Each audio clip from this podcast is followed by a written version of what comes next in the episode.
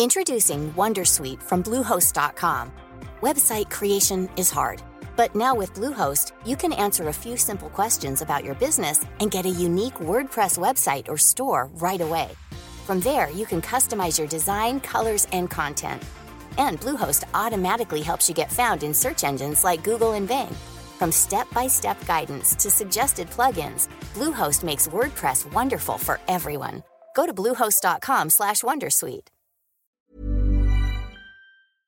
I met one artist there that sort of I just knew instantly if I would start a gallery of my own, this would be someone I would approach. And so I did wow. while, while she was still a student. And um, that was Eloise Hawser, who's based in, in London.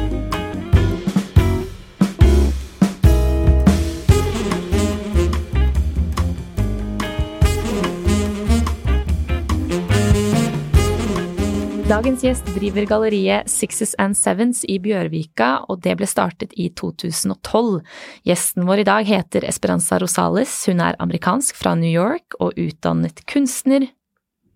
Det er hun, men Esperanza fant ut at hun passet bedre et annet sted i kunstverdikjeden, og har siden vært både kurator og kunstskribent. Og hun også har jobbet for det amerikanske rockebandet The Strokes i New York. Og Esperanza kommer også fra New York.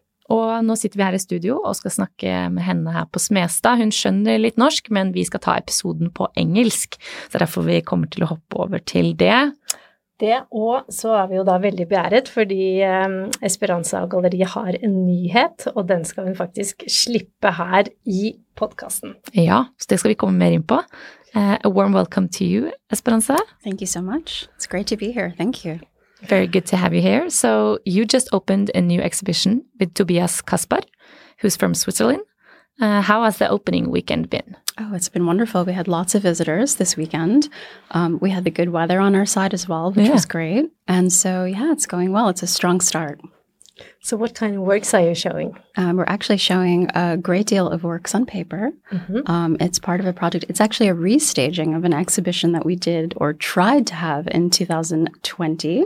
Um, this was difficult, of course. We couldn't have the public in the space. And so, um, together with the artist, um, who had been to Oslo since then um, as part of an exhibition that traveled to the Astrup Fearnley, um, we decided to restage the show since no one got to see.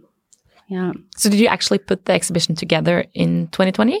We did. Um, it was uh, just a couple of months, or actually, it was the first month that we had access to the new space. So, our new unit in Bjørvika. And um, at the time, uh, we were not allowed to let the public in due to COVID regulations. So, that was a bit of a pity. And um, yeah, it's a it's a it's a pity also because it was a great project that took a look at um, pop culture and celebrity life. Um, it was a sort of remaking of the entire uh, last issue of Interview magazine. That was a magazine started by Andy Warhol in 1969. Um, and the last issue that came out um, in 2019 before the COVID outbreak, um, the artist drew all the pages of in ink. So beautiful ink drawings. And we showed 52 of them. Um, and I was basically, I and my colleague, we were the only ones that got to see. So, um, the tragedy of that is that uh, people could see through the glass, but you know, It's not the same. no, it's not the same in delicate ink works. They can look like Xerox copies when you're at a great distance. Yeah. so that that was a shame. But so we've got um, we did a sort of light edit of the body of work, and we introduced several new pieces to the configuration. Um, and several nice things came out of that project, even though nobody saw it physically. I mean, you have around like what twenty artists or something uh, yes. in your gallery, Yeah. and most of them are international artists. So how come? Yeah, so Yeah. we represent about 18 artists at the moment, and um, quite a great deal of them are internationally based um, and um, and international in terms of nationality. Um, though as the years go on, uh, we're starting to represent more and more Norwegian artists, and so I think we're almost soon. We'll be at half. Okay. Okay. Yeah, probably take another year or so.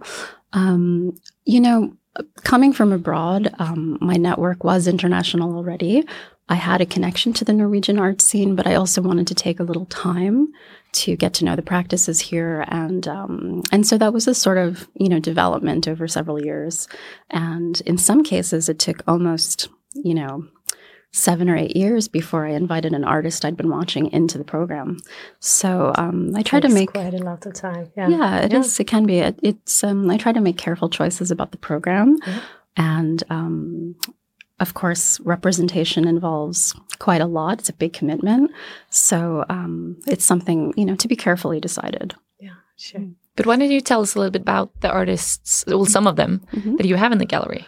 Sure. Well, I mean, um, oh gosh, we have a it's, a it's a wide range. I think one of the things that makes our gallery quite different is that we tend to work with artists who are working um, with a range of mediums. So, ex- with few exceptions, most of our artists are not working in a medium specific way. So we have a couple of artists that are making, you know, they're painters, um, but most of them, I would say eight or nine out of ten, are really working with different mediums and you know, the work varies project to project uh, based on the conceptual underpinnings of the work. So they will choose the medium that's appropriate to whatever idea they have. Um, I can tell you a little bit about uh, someone like Eliza Douglas, who's new to the program. She, we did an exhibition with her last year, um, and the show sold out before we opened. It was incredible.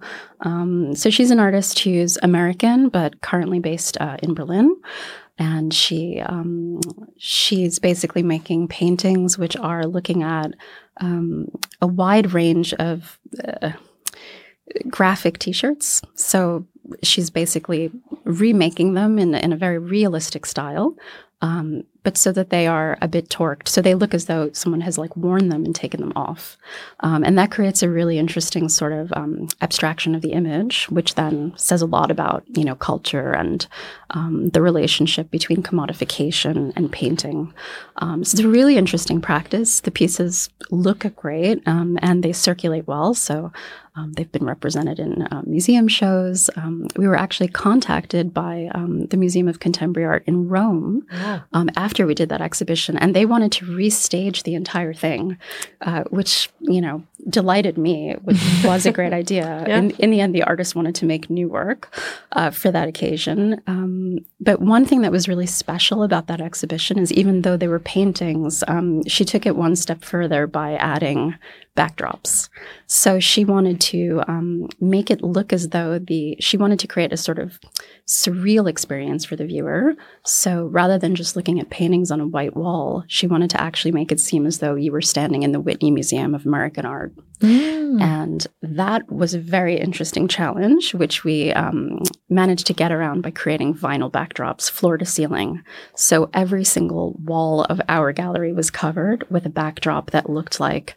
Um, it looked like you were looking out on the Hudson River in some of them, um, which was very interesting because of our, you know, proximity to the fjord Yeah, sure. and um, it every uh, wall had a slightly different perspective than it did in the you know in the photograph. So it was sort of um, it created a very jarring and surreal experience that was really memorable for a lot of people, and um, and so that's you know. A little bit what I mean about the fact that the artists are thinking also conceptually alongside these um, more popular or um, easily accessible practices or mediums, rather. Um, So where do you find your artists? Do you like have like certain criteria or something when you pick them? It's a great question. Um, actually, you know, it is a little bit of an organic process. So um, we get approached by a lot of artists, and of course, we meet a lot throughout time. And international as well, or Oh, Norwegian? Or? Definitely international. Yeah. Yeah. people are writing. I, I would say once a week we get at least Okay. several Oh. inquiries, um, which is always interesting to sort of take a look at. But is that Um, mostly fresh new artists, or can it be It's actually more established ones? It's a full range. Okay. And no, it's not not normally more established ones. Usually people who don't have representation. Mm. Though sometimes people do have representation and their representatives reach out to us. Okay. Um, so that's normally not the direction we go in. So we started the gallery with a sort of um, core group of uh, artists that I, I kind of knew through my time living in Europe. And there were particular um, schools that we were looking at. So, for example, the Städelschule in Frankfurt, um, it has a, a really interesting um, program and a lot of um, artists who go on to be represented by galleries tend to go through that school. Several Okay. Norwegian artists as well have done that.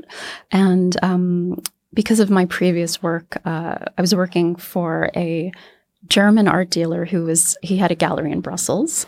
Um, you know, he was a graduate of that school and was working with artists from there, and so it was sort of part of the, I guess you could say, the lexicon of of work that I was looking at. And um, I, I used to go to the open days, so when they had you know artists presenting their work, and I met one artist there that sort of I just knew instantly if I would start a gallery of my own, this would be someone I would approach. And so I did wow. Oh, while she was still a student. And um, that was Eloise Hawser, who's based in, in London. And it was a very organic process from there. So, you know, one artist either introduces you to another or you meet someone. I met another one of our artists standing on a balcony after an opening. um, and it tends to be of course, when you're putting together a program, you, you look at the things that you yourself are interested in. And um, that's a way that I think a lot of galleries start.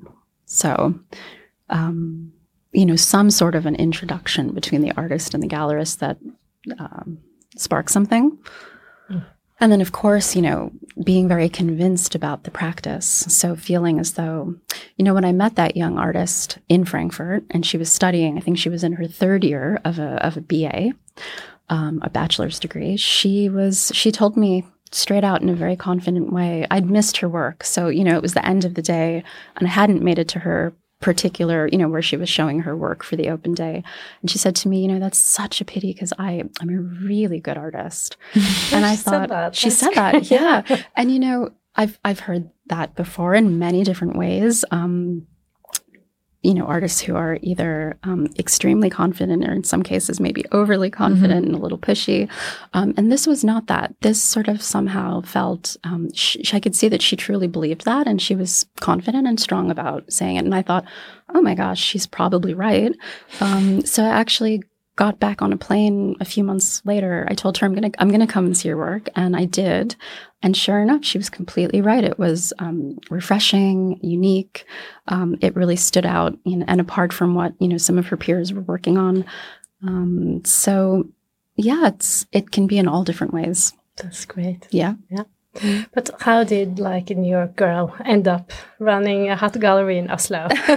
Great question. Well, um, I never thought it would go this way. I'll say that. I mean, you know, I my background in a nutshell is I, I studied as an artist in New York and um, transitioned from that into working in the music industry um, and learned, I think, a lot about artist management there. Um, so when I sort of re-entered my practice, you know, after that, um, I guess I reached a point where I was thinking that I felt like a better ambassador for other people's work than my own, and um, I started writing as a critic. I worked in a couple of galleries.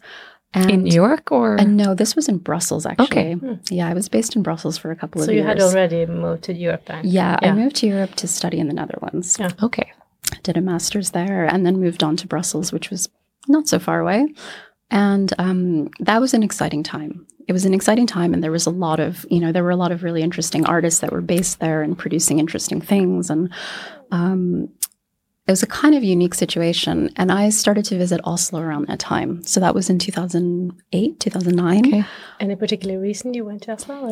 Well, I you know, I traveled there to attend, or here now to attend a conference. Um, that was at OCA. It was on art writing, so mm-hmm. very linked to what I was doing, you know, back in Brussels. And um, on that visit, um, I had a friend who was a Swedish artist. He'd done a lot of exhibitions in Oslo before, and I said, I'm going there and I don't know anyone. Who should I meet? And he put this list together for me. And on that visit, I met so many incredible oh, people. Great friend. Um, yeah, great friend, very well connected and um, and very open about sharing yeah. contacts. And you know, I just uh, it was just an incredible trip. It was three days yeah. in town, and um, I left. You know, really having some well, having built a network here, um, I also had a couple of friends who were Norwegian artists who were living in Berlin at the time. So I felt like quite a lot of roads were leading to Oslo. Um, based on that trip, I met, you know, two incredible artists who were about to open their own artist run space. And, you know, artist run spaces, they're not really a thing in New York the way that they are here. Okay, what's um, the difference? Yeah, well, you know, it's um the commercial art scene is so developed in New York, and um, real estate, access to spaces, it's all a kind of different thing there. Um, you know, less in reach, and I think here. Uh, the commercial scene is a little bit, you know, it's sort of still in formation in relation to something like New York or London. Um, and so there's a lot of artists who decide to make the kinds of spaces that they feel need to exist. And that creates something really interesting. So I was quite taken by that. And I started getting, you know, invited back to Oslo to do certain things, curate a show. Um, I think I was an external examiner at the Art Academy mm. at some point. You must have made quite an impression then on, on the three day trip. Oh, it was, yes, it was an unforgettable time here. Um, and I felt, you know, coming from New York and having lived in London and Brussels and other places, I felt like it was completely unique. It was really different um, in a very nice way. So, sort of, um, and I still feel that way, you know, 11 or 12 years later, I still feel like, wow, it's, it's, um, I don't really tire of it. That's good. Yeah. And I mean, you have a lot of international artists, uh, and you also go to fairs and whatever with your with your art. But your mm. customers are they primarily international or Norwegian or? Well, interestingly, um, the first, you know, definitely the first half of the gallery's life, or maybe the first seven years, seven or eight years, it was largely um, an international clientele. So um, we did a lot of art fairs before the pandemic, sometimes up to six a year. Oh, that's a lot. It yeah. was quite a lot for a gallery our size, and um, but it was essential. Like it was essential on two levels, both to be, um, you know, for our artists to be represented in that sphere, um, but then also because really we were selling to, I'd say, you know, uh, nine out of 10 of our clients were abroad. Um, and then COVID happened and we moved into this new location in Bjørvika, which has shifted a lot for us. So okay. I think it's a combination of um, me spending more time here, you know, and really kind of having, you know, boots on the ground. I used to travel every second week to another place and, you know, with our artists being abroad and you know, our clients being abroad, I just needed to be on the go. And so I think that was one very positive shift is my me being forced to spend more time here and then also um, well certain things certain programmatic decisions and then of course the new space which um, you know i guess there was a shift around the time of covid because prior to that i used to think well if people are truly interested in art they'll know we exist or the you know if people want to find us they'll find us and with covid you know the the sort of need to communicate became so much stronger. You know, it's sort of like suddenly we really had to think about um, how we communicated what we do and, and to just, you know, simple things like telling the public we're open or not open led to, oh, maybe we should also tell people we are moving to a new space or. Because you used to to have a, um, your gallery next to Blomkvist. Uh, quite near Blomkvist, same yeah. street. Same street, yeah same street, a little bit closer yeah. to the water, and um, they were yeah, great neighbors. Yeah, yeah. um, and we were there for five years. Yeah, yeah. And previous to that, you were in Grönland somewhere, weren't you? Exactly. So the gallery started in Grönland. Mm. We were. Um, it this space was literally underground, so quite an edgy. Uh, unforgettable space for people who remember it. And um, and we were there for only a year, you know, okay. um, or just a little bit over quite a an year. impression then, because a yeah. lot of people are telling me, oh, exactly. the Gallery in Grönland, yeah. Yes, no, it was yeah. a wonderful time. Maybe it was closer to two years, no, but then matter. then yeah. we moved sort of briefly to um, Gamlebyen. Yeah, that was interesting. Um, we were there for a little bit less time. Um, yeah, not the best conditions with the space, though a very interesting part of town and um, and then we made the move to Tordenskjoldsgata. Mm. Yeah. So you moved around a lot. We have. This is our fourth space. Yeah. Um, we have a longer lease there, so it's exciting to to know that we've been part of the start of the area. Um, so we signed a contract on the unit um, while that while this area was still being developed, and you know the unit wasn't built. When I saw it, it was just you know a pile construction of mud. yeah. yeah, it was a construction site. Um, yeah. So. But is it a goal to keep moving it around, or do you no. are you comfortable in Bjørvika? Or oh, we're very happy there. Okay, yeah. Um, for the time being, it's working really well, and um, and again, I think it's created sort of um, some accessibility. I loved when we were on Tordenskjoldsgata, and when we were there, I thought nothing could be better. This is great. um, but you know, they had stopped traffic in the area, and slowly I realized it wasn't really a part of town people wanted to be in, even though it's beautiful down there. Yeah. It's very Um, quiet. It's very It's quiet. become very quiet. Yeah. Exactly. Lots of government workers Yeah. who go home at three, and Mm. um, and I found that people weren't really just dropping by. Um, so that's a bit different now. You know, we're in an area where I feel as though the residents take an interest in what we're doing, Yeah. and that feels really nice. Mhm. Oh, that's Yeah. yeah. And I also yeah. feel that Oslo Bukta, as it's also called, is a place where people go just to walk around and Yeah, Yeah. see what's happening.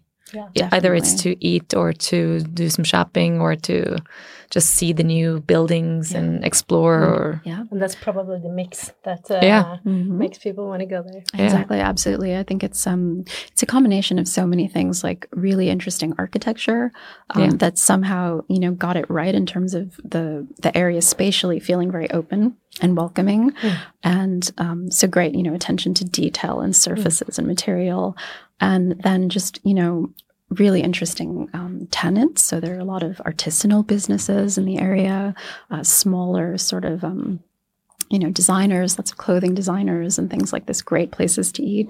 Um, and then te- tenants who really care what's taking place in the area. So I, the feedback has been largely positive. that's good. Yeah.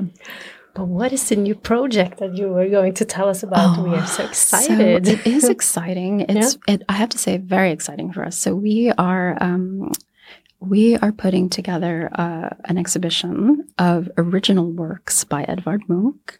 wow. And um, it has been a long time since a gallery has approached doing that. Um, it's um, it's truly exciting for us. So, um, of course, I can't say everything about the project at this moment. maybe you can tell Um, us uh, a little bit. Sure. Yeah, yeah, how does Yeah. it work? How do you start a project like that? Um, well, I can say that we're showing works that are being loaned from private collections. Okay. Um, some of the pieces will be available uh, to be acquired, um, not everything. Um, and of course, a lot of research goes into something like this. So we've been working on it for quite a long time now. And What does um, quite a long time mean? Is that years or? um, in some cases, quite a long time can mean up to two years. Yeah. um, but we have been working on it, you know, intensively for a great length of Yeah. time. Um, also to to think about how to approach it in terms of thematics, and um, of course, lots of works by Munch are in museum holdings uh, around the world, um, or with you know international private collections, and um, we are very excited to have you know been able to create and uh, have access to the works that we do. So, what kind of works uh, are we Um, talking about? They're going to be graphic works, um, and for the rest, I can't say confirmed yet. I mean, if things go according to plan, there will be an original painting. Um, we're very excited about that, and of course, it's a tremendous responsibility to care for such. Um, you know, a piece of an important piece of art history. So um, I can say that we we have access to more than just a single painting that is available For Um, sale or for just to show? um, we do, you know, because because of being a gallery, we get approached quite often by collectors interested in reselling work or, um, you know, things that have been in families for many generations at times, and um, and so we do have access to more than just what is going to be exhibited, um, and that's also exciting because I think by doing the show, we also send a signal to people to let them know that we're here and we are also, you know, fortunate. Selling on commission. Yes, Yeah. oh, for sure. Yeah. Yeah. I mean, I think But, a lot but, of. but is that also a new thing for you, or have you been uh, selling on, on commission before? Um, you know, I think most galleries, um, well, a lot of galleries are actually have they have to do this. It's Yeah. sort of a um, part of things. I mean, it's it's helpful from an economic standpoint. I mean, being able to sell works on the secondary market or um, it, this is something that really allows you to finance projects by younger, maybe more unestablished artists. Um, or, for example, you know, maybe you do a show with a more established artist that is more experimental. Um, if it's not the kind of thing that's easy to place in a collection, um, then the secondary market sort of helps a little bit, you know, behind the scenes mostly, which is why it's nice to be able to externalize a project where um, we can actually bring that more to light. Because of course we we do function as advisors for certain collectors. Um, you know, someone who starts buying at the gallery after a period of time might say they want to shape a collection, and that's really exciting when we're given a little bit of, um, you know, uh, when someone is actually using us and our As an advisor. yeah, yeah. So um, this is a natural extension of that, but we haven't done anything, you know, of this value um, before, you know, in terms of our public program.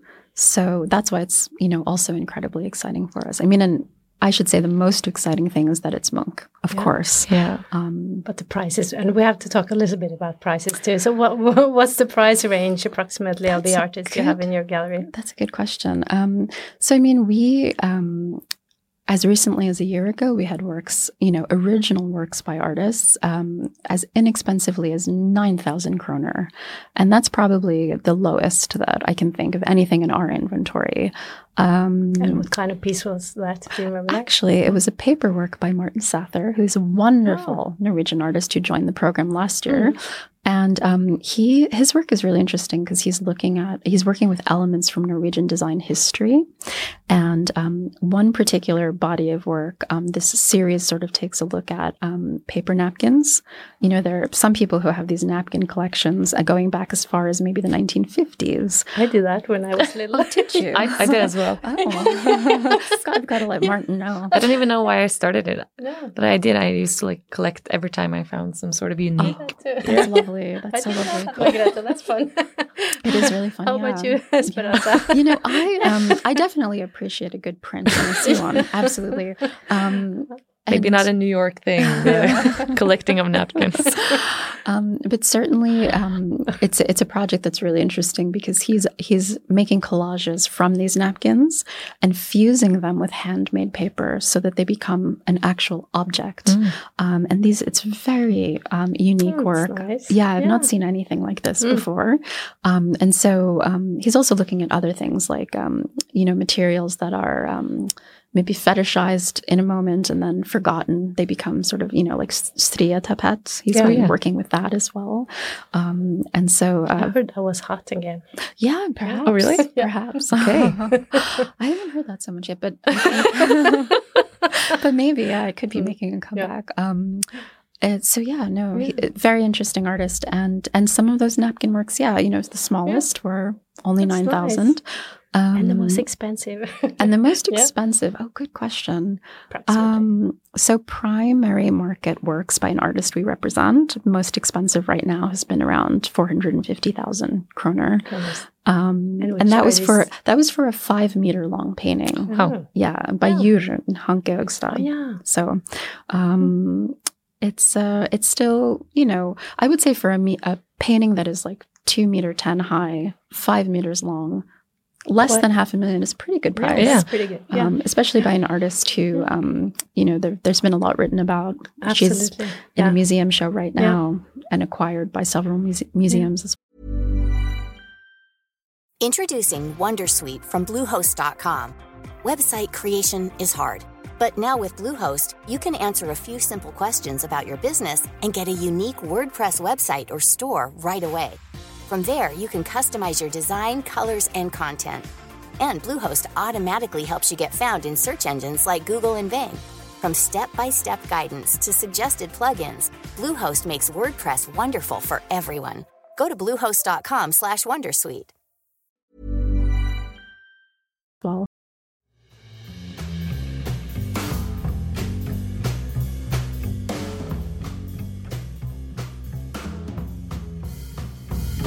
Um, I just interviewed uh, Callum Innes. I think I told you about Oh, that. yeah. And he to- said to me that uh, Norwegian art is quite cheap.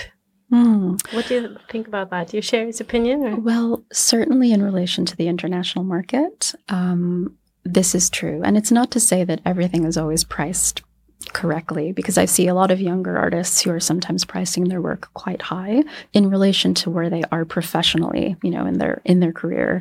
Um, but definitely, I mean, when you think about the fact that um, you can at auction buy artists, you know, paintings by artists that are in the National Museum collection, um, and they're still reasonable, you know, quite affordable.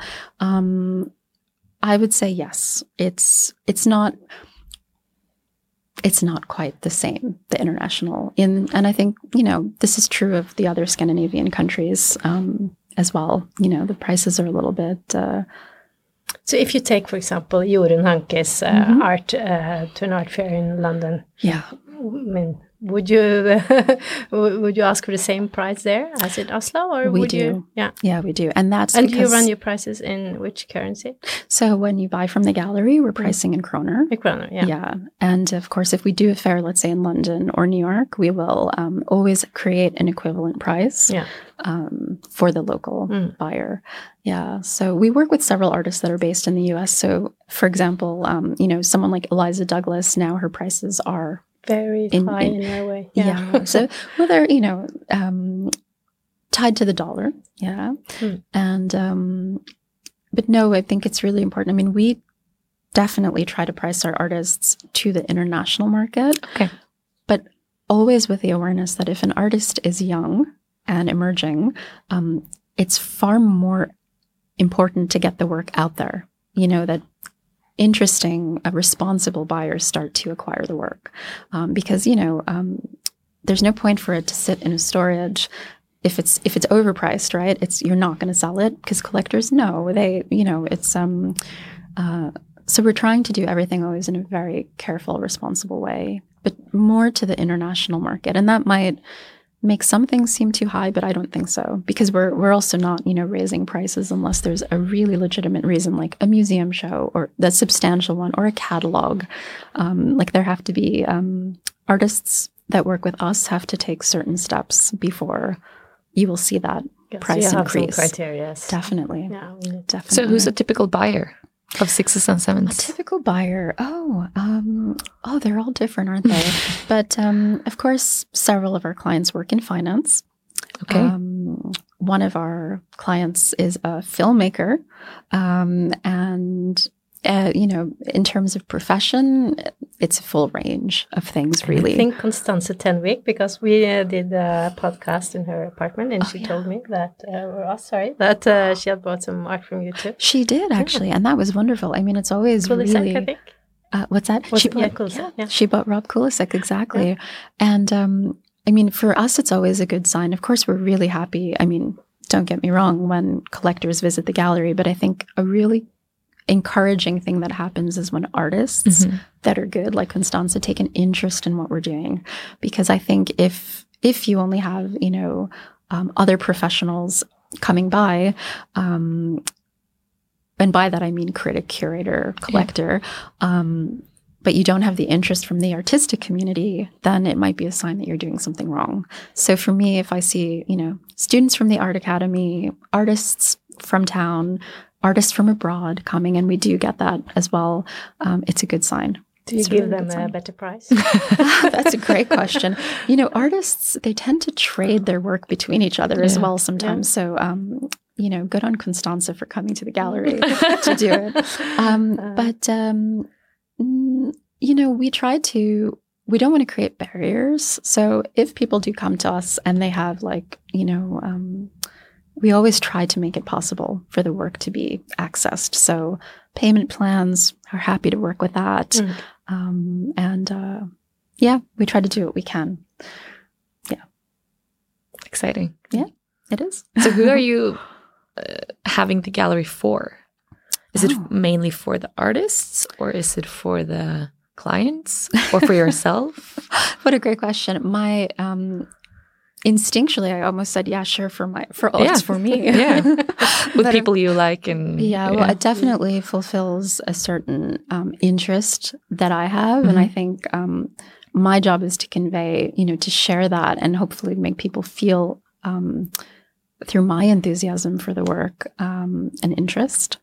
And so definitely for the artists because you know um, as their representatives you know we're in charge of doing quite a lot um, but, you know, our aim is to make something that we get excited about as a gallery more widely known. So, um, you know, the point is that it leads to more exhibition opportunities for the artist, that more people become aware of the work. So I feel like we're um, just a constant spokesperson for something we care deeply about and um, that we believe in, and um, and that we also think is, you know, um, a place where people should shift their focus and attention. Um, but it's it definitely feels great. You know, there are moments where um, there are lots of things we do that are unrelated to the actual work. Of course, you know, the logistics, the administration, but those moments where you realize a new project with an artist, it can be incredible, you know, mm-hmm. where you, you finish installing something that didn't exist a year before or six months before. Um, and then those moments where the artist asks you what you think, you know, um, you come, you arrive at some decision together. Oh, um, Do you like questions like that or yeah. are they difficult or oh, and how honest are you? oh no, it's really wonderful. Um, mm. It's, it's a balance, of course. Yep. Some artists are interested in your feedback and some, uh, are less. so, um, after time you get to know who who's like open to feedback and how to deliver it and who might just need encouragement to figure yeah. it out on their own. Um, but of course i'm i'm always happy to talk about the work and the projects and this is an incredibly exciting part of things do you collect yourself too? Or? I do actually. Mm. I do. And tell um, us about it. well, you know, it's interesting because I guess the first things my collection sort of started because artists were giving me things, and I didn't think about it so much in the in the moment. I was just like, oh, that's nice, and one thing sort of led to the other, and then um, I guess you know, I bought a few things here and there by artists I was really like interested in, smaller pieces, editions sometimes, but you know, really cool things. And then I guess when my son was born, I um for his first birthday we bought a work together. We went to see a student show actually. And um I was like, well, maybe a good birthday present is a is a work of art.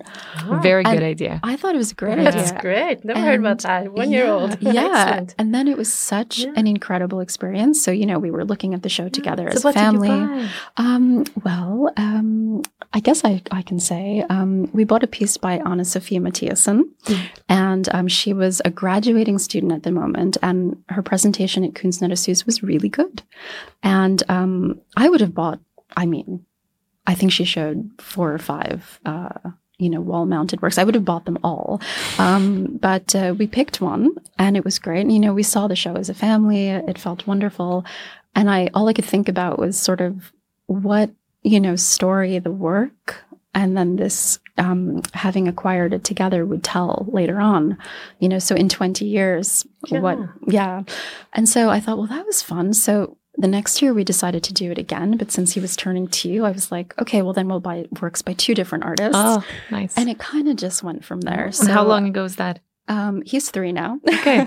and did you so, buy three works? Um, yeah, actually, yeah, we need to. Big, very expensive. yeah, no, it is. It's true. But you know, I mean, I think that's fantastic. But it's a perfect, a perfect excuse to buy buy art. Yeah, then. It, it's a great. But, but is yeah, it his art reason. or your art? no, it's, it's definitely. Yeah. I am. So I definitely I've got a collection of my own, yeah. but I am also been building a collection for him. Yeah, and it contains more than just because you know I think the thing about collecting is it's a little bit addictive when like when you start it's sort of you're just you start to just like want to do it all the time.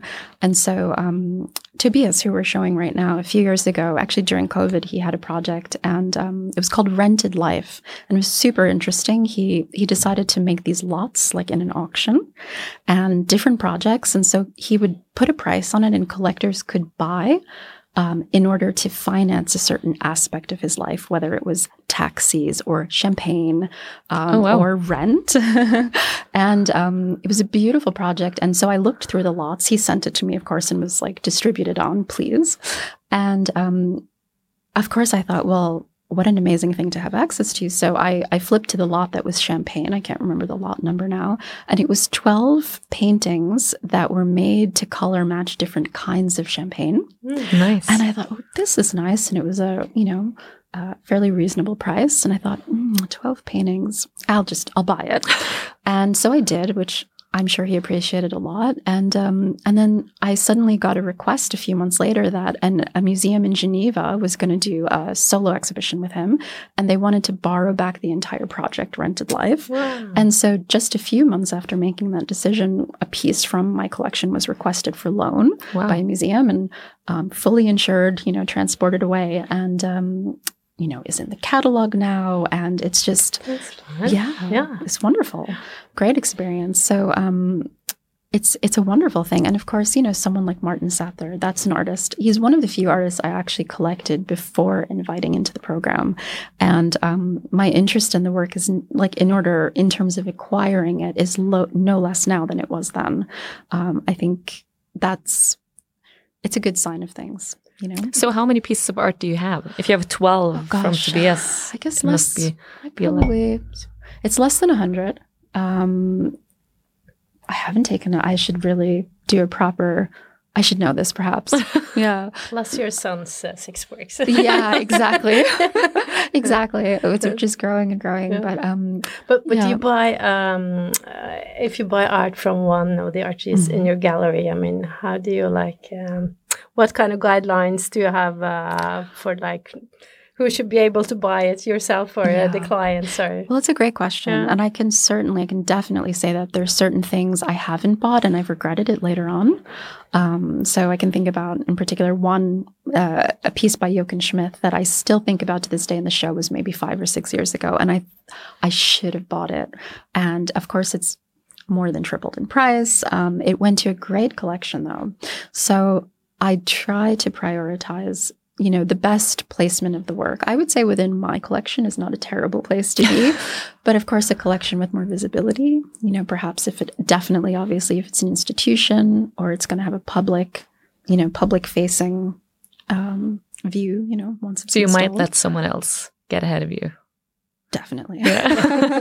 yeah i think the connoisseur in me i know for sure when i see a good work Yeah. and um and you just you know part of the job is editing. So you know you edit what you put out there.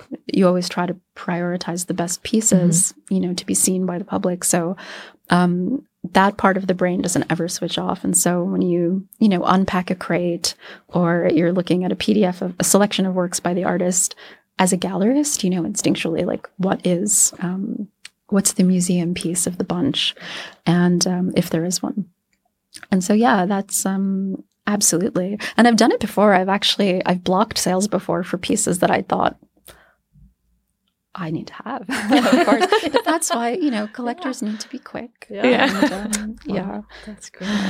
I mean, we could sit here and talk for hours, Yes. but Yeah. uh, we have to uh, be able to invite you back and have something more to talk about. Maybe we can step by the gallery one that day. would be fun oh yeah, episode yeah, there, do that would be something nice. on Yeah. site absolutely that would be great So Shall let- we have a last questions and maybe about the name of the gallery, Margrethe? What do you think? Yeah, I, I have no idea what's the stories behind the name. So And it's Roman numbers, and a lot of people are like, Yeah. "How do you pronounce it?" So Yes, yes, tell it is very mysterious. Yeah. Um, so I don't, you know, there were a few things I was thinking about when I came up with the name, and one of them was about this sort of like neutrality. And I thought, you know, galleries very often should be neutral, like not too strong in their branding or their design and things like that. And so I was thinking about neutrality in Roman Roman numbers, um, but also this expression sixes and sevens, which um, you know came out of I guess 17, 17th century dice throwing games. They say etymologists think, and um, it, it it has to do with risk. So it was an expression. It's an expression in British English that is used um, disparagingly if someone makes a choice that other people view as like reckless or Ah. ill thought. Um, so oh, that person is at their sixes and sevens. They're not thinking clearly. oh, I love that. Yes, because you know, six was the highest you could roll on the die, and seven is the impossible. So I loved that Ah. idea of the impossible and like that risk, um, the So turn. the risk of buying the art from sixes and sevens. Well, no, that was not the kind of risk. But of course, you know, there's a risk, but there's risk inherent, of course, in in um, in in good art, Yeah. absolutely all the time. And artists, just by being artists, are taking Yeah. a risk. So um, for sure, it's it's it's a part of things. And I I also thought about this turning of the die and how um, with a good program, you should never be able to predict what's coming next. If you're like, oh, another painting show or oh another you know it's about creating something that feels like it's always growing and changing um, moving forward developing um, through the artist practices but also how you select what you're presenting when and so i wanted the program to never feel stale or stiff um, and i thought yeah so like this turning of the die that you know So- each subsequent show would be and feel different I really like that. Great Yeah. Yeah. Yeah. I'm so glad we asked. Thank you thank you so much for all the questions So great to have you, to have you here today, uh. Esperanza. It was a big pleasure. Thank you so much. Great to see you, and uh, we'll have to come back to your gallery for the next time. You're very welcome anytime. Thank you. Yeah. Om det er noe annet dere ønsker at vi skal ta opp, dere som hører på, så er det bare å sende oss en e-post på kunstpraten at kapital.no.